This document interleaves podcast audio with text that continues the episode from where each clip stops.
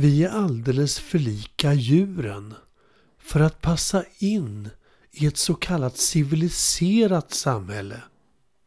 Vi är ju alla besläktade på långt håll med djuren enligt Charles Darwins evolutionsteori. Kalla oss gärna apornas kusiner, sysslingar eller tremänningar. Men faktum kvarstår att apan kom före oss. Och på stranden avslöjas de ludna männen som ska smörjas in med solskyddsfaktor i den yviga kroppsbehåringen. Annan oönskad hårväxt som påminner om vårt släktskap med schimpansen kan uppträda på åldrande kvinnors kind och hakpartier. Jag har en teori om varför jag själv är så i avsaknad av kroppsbehåring på min bringa. Min mor tyckte att ludna män var en styggelse och valde en man som saknade just det attributet. Och så kom jag till världen som en produkt av det naturliga urvalet.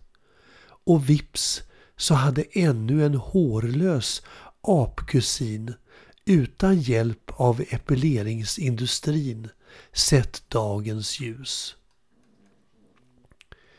I Japan retuscheras till och med könsbehåring och könet i pornografiska skildringar.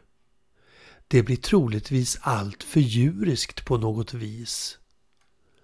För symptomatiskt för människan är att vi vill vara sofistikerade utåt. Den oantastliga ytan ska hållas skinande blank och ren till varje pris. Och när vi i västvärlden finner det underligt hur japaner och andra asiater brottas med att aldrig tappa ansiktet så har vi nog själva inte klart för oss att vi är precis likadana, om än på vårat eget vis. Min älsklingsfilm Skitiga, fula, elaka av Ettore Scola kom 1976 och innehåller en stor portion av människans snusk och skitighet. Allt skildrat genom en italiensk familj som lever i en kåkstad på soptippen. Vatikanen fördömde denna skildring av detta degenererade människosläkte som hädiskt.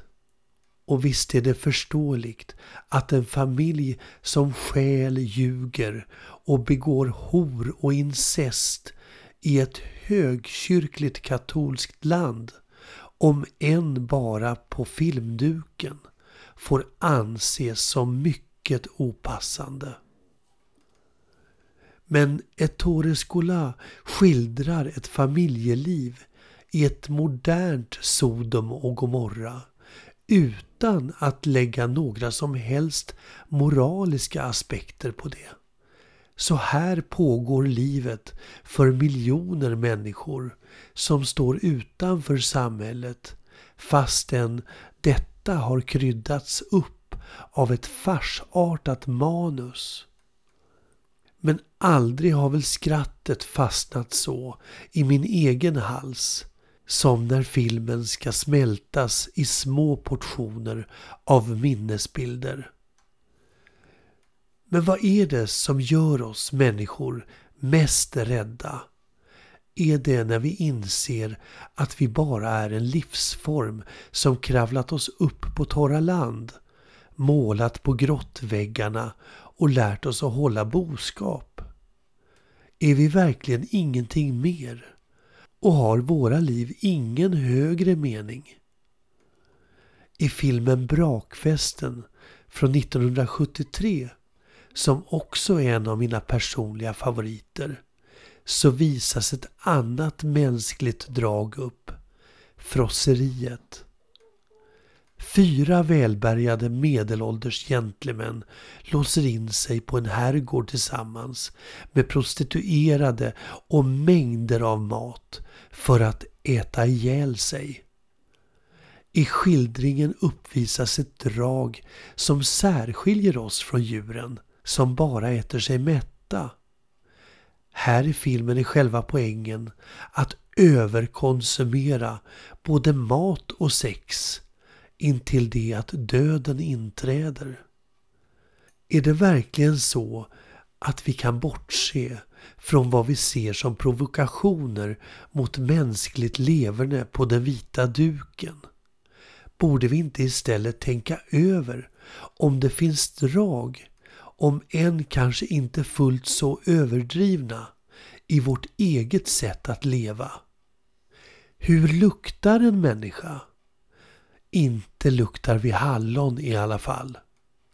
Kanske i bästa fall så har vi haft råd att drapera oss i en dimridå av Chanel eller Guerlain.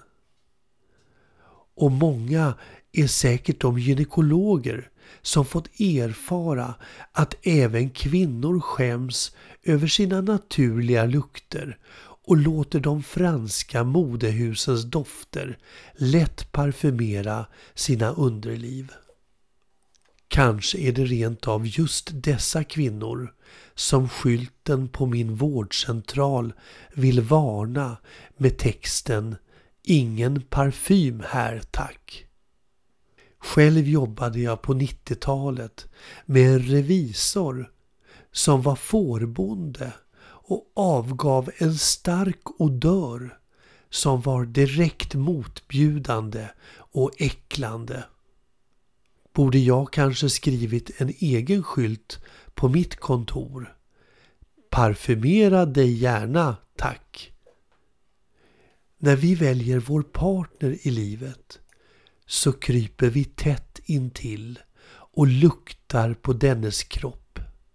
Jo, det är sant fast det sker nästan omedvetet. Eller så bjuder vi hem den tilltänkta och när den lämnar badrummet så smyger vi dit, gläntar lite på dörren och funderar på om vi kan stå ut med denna lukt ett helt liv.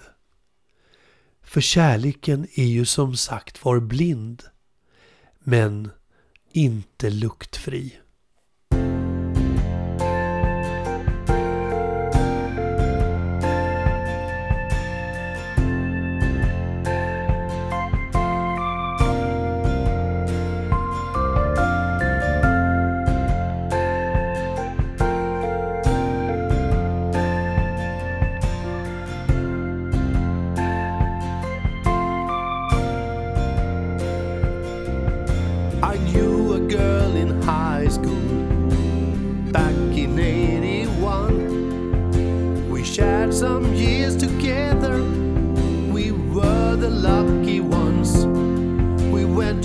from school together, shared our inner dreams. We stayed under the apple trees on High Road 63. You better run. She better run. I better run. We better run. We better let our tears.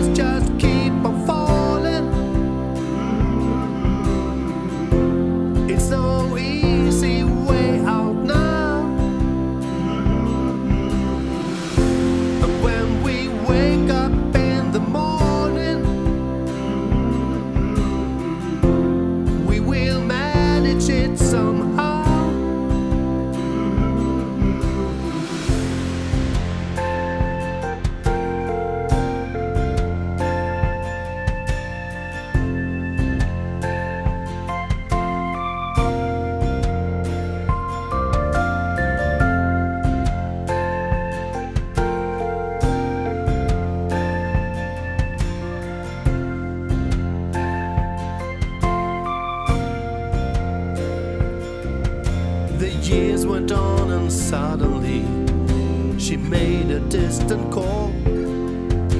We started to get close again as we had been before. For many years we lived apart, our separate life. Could it be the fate, my friend, a future man and wife? You better run. She better run. Better run. We better run.